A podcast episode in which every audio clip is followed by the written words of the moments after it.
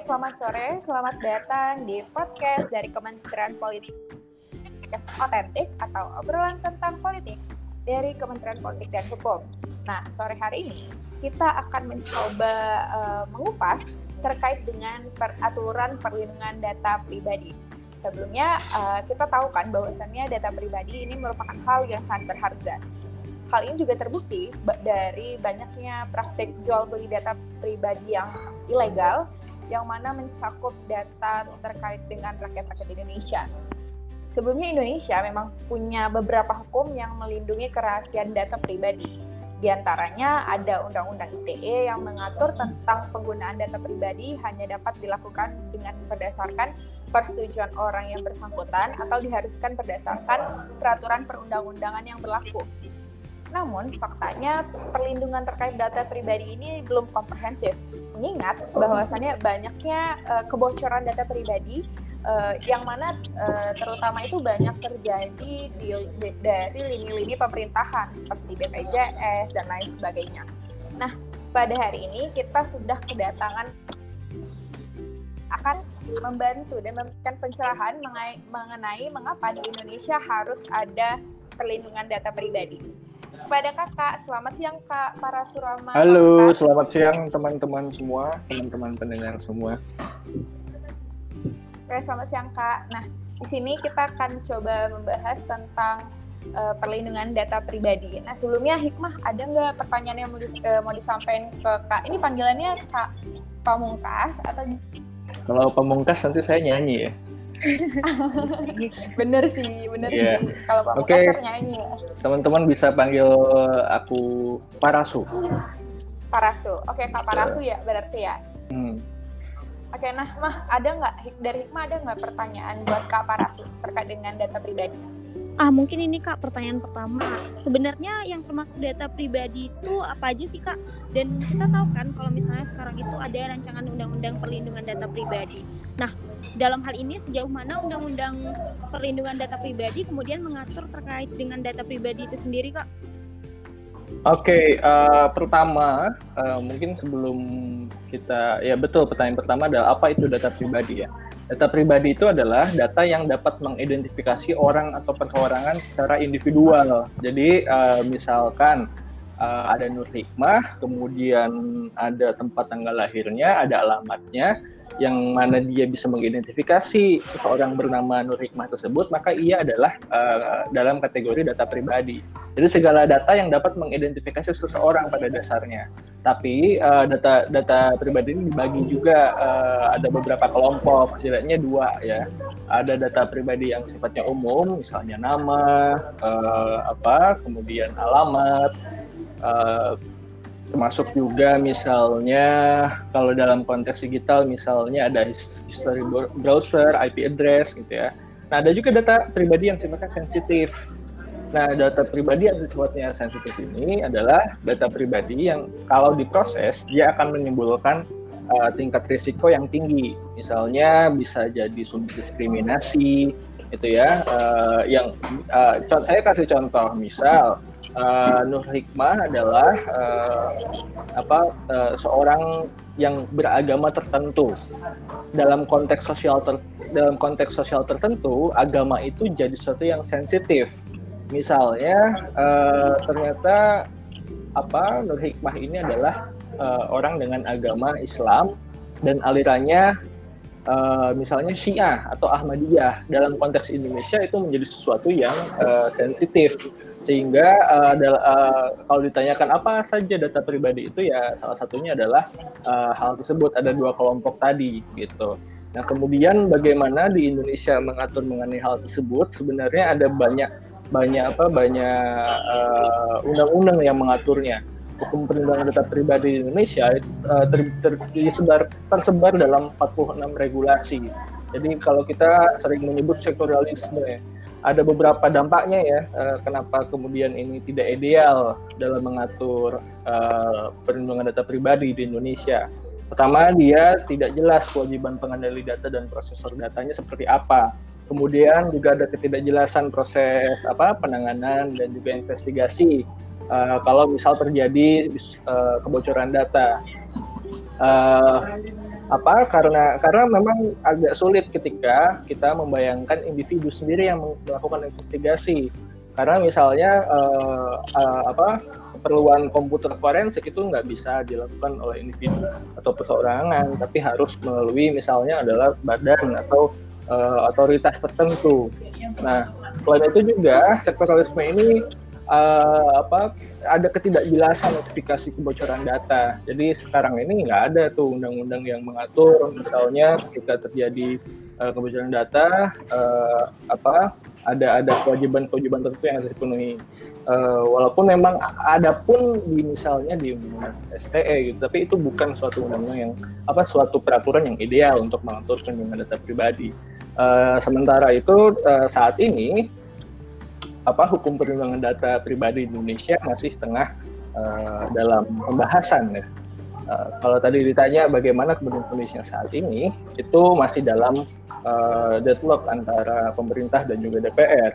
Ada satu isu yang kemudian sangat uh, sensitif dan yang dari apa jadi jadi perdebatan panjang adalah otoritas data pribadi yang independen pemerintah inginnya otoritas data pribadi di bawah Kominfo, sementara uh, eh, DPR uh, eh, juga masyarakat sipil menginginkan otoritas data pribadi itu ya independen. Uh, tapi ya argumennya banyak sekali yang yang apa yang kemudian uh, mendukung dan menolak. Jadi uh, ini satu isu yang sebenarnya uh, sudah banyak sekali dibahas selama ini. Gitu. Oh gitu kak. Kalau lanjut kak lanjut lanjut enggak kakak yang lanjut ini uh, karena banyak banget ya pertanyaan terkait dengan uh, data pribadi. Uh, nah kak, kenapa kemudian data pribadi itu bisa menjadi ancaman pidana gitu terkait dengan penjualan? Uh, mas, kan kita tahu nih banyak banget penjualan ilegal terkait dengan data pribadi. Kenapa kemudian data pribadi kalau dia klik, kalau dia misalnya bocor, itu tuh bisa menjadi salah satu bentuk dari ancaman pidana kak? Um, Oke, okay, mungkin kalau ancaman pidana yang mengatur bahwa penjualan data pribadi ini ilegal, saya belum menemukan sebenarnya. Tapi uh, saya ngasih gambaran dulu pertama ya. Kenapa kemudian uh, ada ada apa ada proses transaksi mengenai data pribadi ini? Uh, pertama bahwa saat ini itu ada yang namanya surveillance uh, capitalism. Bagaimana ekonomi ini tergantung pada prediksi yang dilakukan oleh privasi uh, terkait perilaku manusia di masa depan. Ini mungkin teman-teman merasakan ketika misal membuka mengenai produk A di Shopee, iklan yang keluar di apa di Instagram sama gitu. Nah itu adalah uh, bagaimana data itu bekerja dan di, di apa dioperasionalisasikan lewat misalnya uh, apa algoritma seperti itu mungkin yang sudah uh, sangat jamak diketahui gitu. Nah, kemudian terjadilah saat ini bagaimana data ini jadi uh, jadi apa jadi sesuatu yang bisa diperjualbelikan oleh orang-orang uh, tertentu gitu. Nah, apakah ini legal atau tidak ya jelas ilegal. Karena apa? Karena pada dasarnya uh, apa pemindahan kemudian hal-hal terkait data pribadi itu tergantung pada keputusan dari subjek data gitu. Nah, ada perbedaan mengenai dua istilah ya, ada subjek data, ada pemilik data. Nah, uh, kalau kita uh, lebih lebih suka menggunakan subjek data. Kalau pemilik data itu terkesan bahwa data ini adalah sesuatu yang bisa diperjualbelikan, padahal uh, pada prinsipnya uh, apa data ini merupakan perlindungan data pribadi merupakan hak dan data ini merupakan uh, suatu objek yang di, dilindungi oleh hak-hak tertentu gitu. Jadi uh, pada dasarnya penjualan atau pemindahan hal, apa data itu bergantung pada uh, pada subjeknya. Kemudian apakah ini bisa dipidana? Kalau saya belum bisa belum bisa jawab belum menemukan ya apakah ada saat ini uh, delik yang mengatur bahwa transaksi mengenai data pribadi ini di, dilarang secara pidana. Adapun misal uh, pelarangan itu mungkin secara administrasi melalui PSTE misalnya, uh, yang mana bahwa pemrosesan data pribadi itu harus melalui uh, apa namanya uh, persetujuan tadi sebagaimana sudah disebutkan di awal. Kalau bicara mengenai uh, apa pidananya saat ini belum ada uh, mengenai ancaman pidana terhadap penjualan atau transaksi data pribadi. Kecuali kalau kita misalnya bicara mengenai uh, apa serangan cyber itu beda uh, lain hal ya ada peretasan, ada defacing dan sebagainya itu sudah diatur dalam UU ITE. Peretasan misalnya uh, seorang seorang hacker meretas apa situs uh, Universitas Andalas kemudian menjual data pribadi uh, apa mahasiswa serta pendik di Universitas Andalas ke black market maka perbuatan peretasan itulah yang kemudian dapat dipidana. Uh, walaupun pada dasarnya perbuatan memperjualbelikan tersebut juga salah gitu ya. Uh, maka dari itu memang uh, kebutuhan mengenai perlindungan data pribadi itu uh, sangat penting untuk melindungi kita dari perbuatan-perbuatan seperti itu. Begitu Mbak uh, Anissa. Nah, benar banget. Hmm kan kalau misalnya di Undang-Undang Dasar juga disebutkan kan uh, Mas dalam pasal 28G disebutkan bahwasannya setiap orang berhak atas perlindungan diri pribadi, keluarga, kehormatan, martabat, dan harta benda yang dibawa kekuasaannya serta berhak atas rasa aman dan perlindungan dari ancaman ketakutan dan berbuat atau tidak berbuat sesuatu yang merupakan hak asasi. Artinya, emang data diri ini atau perlindungan data diri merupakan hak konstitusional yang telah diberikan kepada setiap uh, tiap-tiap uh, masyarakat di Indonesia ya nggak sih, Mak? Iya betul betul. Nah jadi uh, apa hak atas privasi ini tidak hanya di Undang-Undang Dasar 28 di ayat 1, tapi juga ada di pasal 12 Deklarasi Universal Hak Asasi Manusia.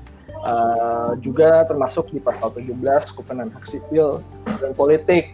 Ada juga di pasal 29 Undang-Undang HAM. Jadi banyak sekali instrumen yang sebenarnya sudah mengatur nih apa uh, itu hak atas privasi, jadi gitu sebenarnya perlu diulas juga nih uh, sebelum kita bahas ke sana apa itu hak atas privasi ya.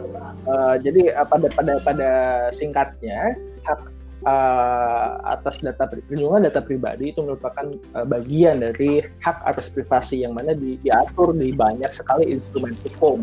Nah, saya ingin jelasin begini, uh, apakah uh, hak atas privasi baik di 28G maupun di instrumen lainnya itu dapat dibatasi uh, pertanyaan uh, jawabannya adalah iya. Kan teman-teman kita semua sudah mengenal tuh ada namanya non rights ada namanya deliver rights. Nah uh, perlindungan data pribadi ini yang mana? Unsur hak atas privasi ini yang mana? Nah uh, hak ini merupakan hak deliverable rights. Tapi uh, pembatasannya itu dilakukan melalui beberapa tahap. Atau prinsip ya setidaknya ada tiga ada prescribed by law ini mengandaikan suatu asas legalitas bahwa pembatasan ini dilakukan oleh hukum. Kemudian legitimate aim uh, ini untuk melindungi hak asasi manusia melalui orang lain moral publik dan sebagainya. Lalu juga diperlukan dan uh, diperlakukan secara proporsional. Ada tiga hal itu yang perlu digarisbawahi ketika uh, apa uh, perlindungan data pribadi ini dibatasi gitu Nah, sebenarnya kan Mas, kalau menurut uh, penjelasan Mas tadi, uh, Mas tadi berarti sebenarnya perlindungan data pribadi ini persoalan yang kompleks kan. Nah, pun sejauh ini bahkan terdapat banyak regulasi nih, namun ternyata dirasa belum cukup gitu kan.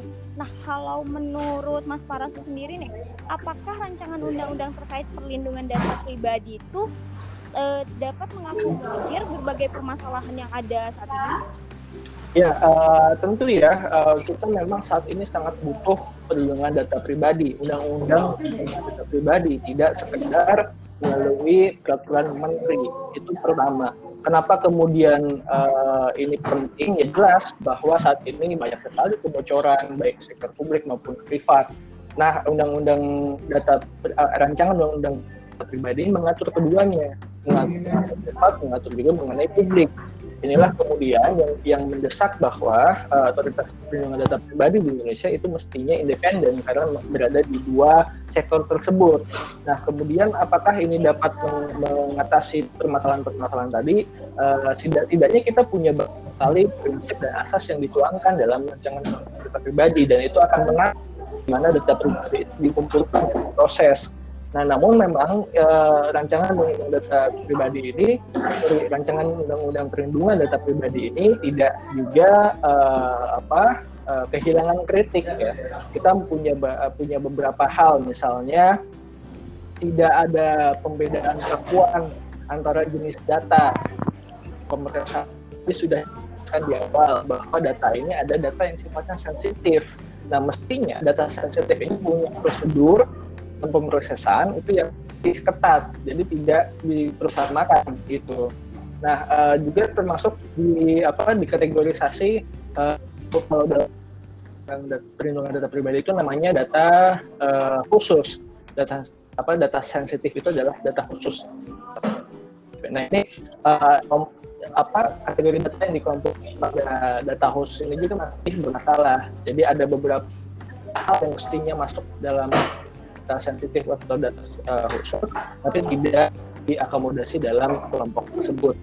Nah, uh, kemudian selain itu uh, khusus mengenai misalnya kelompok rentan kita bisa sebut uh, anak misalnya atau minoritas gender atau juga uh, perempuan itu tidak diatur secara khusus perlindungannya dan ini kan sebenarnya uh, momentum adanya rancangan undang-undang ini uh, mestinya dimasukkan juga bagaimana mekanisme perlindungan uh, serta pemulihan bagi kelompok uh, minoritas atau kelompok uh, rentan gitu. Nah, itu itu kan tadi terkait dengan uh, pengelompokan pengelompokan dan uh, maksudnya uh, apa saja sih yang kemudian diperlukan untuk malah untuk menjamin kerahasiaan atau perlindungan data pribadi. Kan kita tahu kan Mas kalau misalnya salah satu instrumen kenegaraan kita ada BSSN Badan BSSN itu kan salah satu badan yang kemudian dibentuk oleh pemerintah untuk uh, menjaga kerahasiaan terkait data pribadi. Nah, menurut Mas, apakah kemudian data pribadi itu harus di bawah BS, eh, BSSN tersebut atau kita memerlukan nih salah satu lembaga independen dan otonom untuk me, untuk uh, mengakomodir terkait dengan perlindungan data diri uh, data pribadi itu, Mas? Oke, okay, uh, eh, ini sebenarnya pertanyaan yang yang apa yang juga menjadi perdebatan di banyak uh, forum ya. Uh, apakah kita membutuhkan apa otoritas data pribadi yang independen atau tidak? Nah, uh, argumen pertama yang bisa dikemukakan adalah uh, bahwa rancangan undang-undang data pribadi ini tidak hanya berdiri di sektor privat saja, tapi juga di sektor publik. Ketika misal kita membayangkan beberapa uh, lembaga existing sebut saja uh, Dirjen Aptika di Kominfo, lalu ada BSSN atau juga PPID di tiap-tiap lembaga. Apakah kemudian otoritas perlindungan data pribadi itu dilekatkan di salah satu lembaga tersebut? Uh, pertanyaannya tidak. Uh, sederhananya begini, bagaimana kita menjadi pemain sekaligus wasit? Kan tidak tidak fair kalau konsepnya seperti itu. Nah, uh, kemudian eh, hal-hal tersebut menjadi mendesak untuk kita kita uh, gaungkan bahwa kita sebenarnya butuh perlindungan otoritas perlindungan data pribadi yang independen. Saya kasih lagi satu contoh, satu argumen kasus. Kita bisa melihat kasus uh, kebocoran data pribadi di lembaga-lembaga publik. Misalnya begini, ketika Kominfo itu uh, apa di, di, ada kebocoran data pribadi di Kominfo, lalu otoritas data pribadinya juga di Kominfo, masa uh, sendiri yang me, apa, melakukan investigasi pada lembaganya sendiri? Kan itu suatu yang kemudian jadi persoalan karena apa? Uh, otoritas data pribadi ini punya banyak fungsi teman-teman. Salah satunya adalah fungsi investigasi. Fungsi investigasi ini bisa kita lihat uh, misalnya melakukan audit, melakukan review sertifikasi, notifikasi kepada pengendali data atau pemroses atas dugaan pelanggaran, nanti masa uh, Kominfo menotif ke Kominfo. Jadi kan aneh gitu ya, uh, bahkan dalam logika yang sangat sederhana begitu. Nah, benar, Uh, kemudian selain itu kita bisa di GDPR itu bagaimana kemudian uh, mestinya uh, otoritas data pribadi ini uh, independen itu sudah dilaksanakan juga di banyak sekali mengenai auto DPI gitu. Nah, uh, kalau kita berbicara tentang bagaimana seharusnya perlindungan data pribadi di Indonesia, pasti kita juga ini kan mas mencari referensi uh, gimana sih sebenarnya negara-negara yang telah melakukan perlindungan data pribadi. Menurut Mas, negara mana sih yang seharusnya kita jadikan kiblat terkait dengan perlindungan data pribadi? Yang negara tersebut itu uh, perlindungan data pribadi kepada masyarakat itu sangat-sangat kompleks dan telah mengakomodir dari segala lini. um, yang biasanya menjadi rujukan uh, kita oke okay, kita tidak dulu bicara tentang negara ya tapi kita bicara misalnya kawasan. Nah ada satu kawasan di dunia ini yang di dunia ini yang mengatur begitu begitu detail mengenai perlindungan data pribadi ini yaitu di uh, apa Uni Eropa. Di Uni Eropa ini ada yang namanya UGDPR Nah, di sana sudah mengatur banyak sekali mengenai uh, apa prinsip-prinsip, kemudian uh, kewajiban pengendali, kewajiban uh, pemroses, kewajiban uh, apa uh, banyak sekali hak dan kewajiban yang kemudian dituangkan dalam GDPR ini, termasuk juga mengenai uh, fungsi dari otoritas data pribadi, itu data protection authority. Ini ada banyak sekali yang diatur dalam GDPR dan uh, apa hasilnya? Ya kita bisa melihat bahwa perlindungan data pribadi di negara, negara Eropa itu cenderung lebih maju ketimbang kawasan lain. Dan ini menjadi apa uh, instrumen GDPR ini menjadi rujukan hampir di semua uh, negara dalam mengatur bahkan Cina yang baru saja me, me, apa, me, mengesahkan undang-undang data pribadinya uh, mengacu juga pada EU GDPR gitu ya. Bah, ya ini kan menunjukkan bahwa uh, uh, apa bagi perlindungan data pribadi di dunia karena memang di dalamnya mengatur banyak sekali poin-poin uh, penting. Mulai dari apa itu subjek data, uh, kewajibannya, sampai pada otoritas uh, perlindungan data atau data protection authority. Uh, bagaimana kompetensinya itu diatur di sana, bagaimana kewenangannya dan sebagainya itu telah di, di apa dituangkan, termasuk langkah-langkah mitigasi dalam insiden kebocoran data pribadi itu juga diatur. Ada ada namanya uh, data uh, apa perlindungan data pribadi by design, ada perlindungan data pribadi by default itu juga ditentukan dan diatur di sana. Begitu. Nah, sebenarnya kalau menurut Mas Parasu sendiri, apa aja sih Mas kiat-kiat supaya kita tidak sembarangan menyebarkan data pribadi? Kan kita tahu tuh data pribadi seseorang itu ada banyak. Nah, sebenarnya kan di era sekarang ini ada banyak orang yang dengan mudah menyebarkan informasi pribadinya sendiri atau bahkan menyebarkan informasi milik orang lain. Nah, kalau menurut Mas sendiri, tipsnya apa nih Mas biar uh, kita nggak mudah menyebarkan data baik data kita sendiri atau data orang lain? Oke, yang pertama yang jelas adalah apa sih data pribadi itu ya? Uh, tidaknya adalah apa yang uh, sehari-hari menjadi uh, hal yang kita lakukan. Dan kedua, kita harus mengenal juga apa dampaknya. Data pribadi ini punya dampak apa saja terhadap kehidupan kita. Nah, uh, misalnya kayak contoh dalam transaksi elektronik, uh, misalnya melalui e-commerce, kita kan menyerahkan data kita berupa alamat, kemudian nama gitu. Termasuk juga ketika dilingkan dengan suatu uh, apa pembayaran tertentu itu kan uh, kita dapat bayangkan betapa banyaknya data yang dikumpulkan di sana. Nah, ketika data pribadi ini bocor, uh, apa kan banyak sekali sekarang kasus misalnya tiba-tiba saldonya hilang gitu ya. Nah, itulah uh, kemudian kita harus paham apa saja dampak yang dapat terjadi kalau data ini bocor. Nah, kemudian apa aja kiat-kiatnya? Ya, pertama kita harus mengenal dulu uh, apa ke mana kita akan mengumpulkan data ini, dikumpulkan ke siapa? Apakah misalnya uh, misal kita melakukan uh, pendaftaran di satu aplikasi, apakah aplikasi ini aman? Itu kan harus diperhatikan.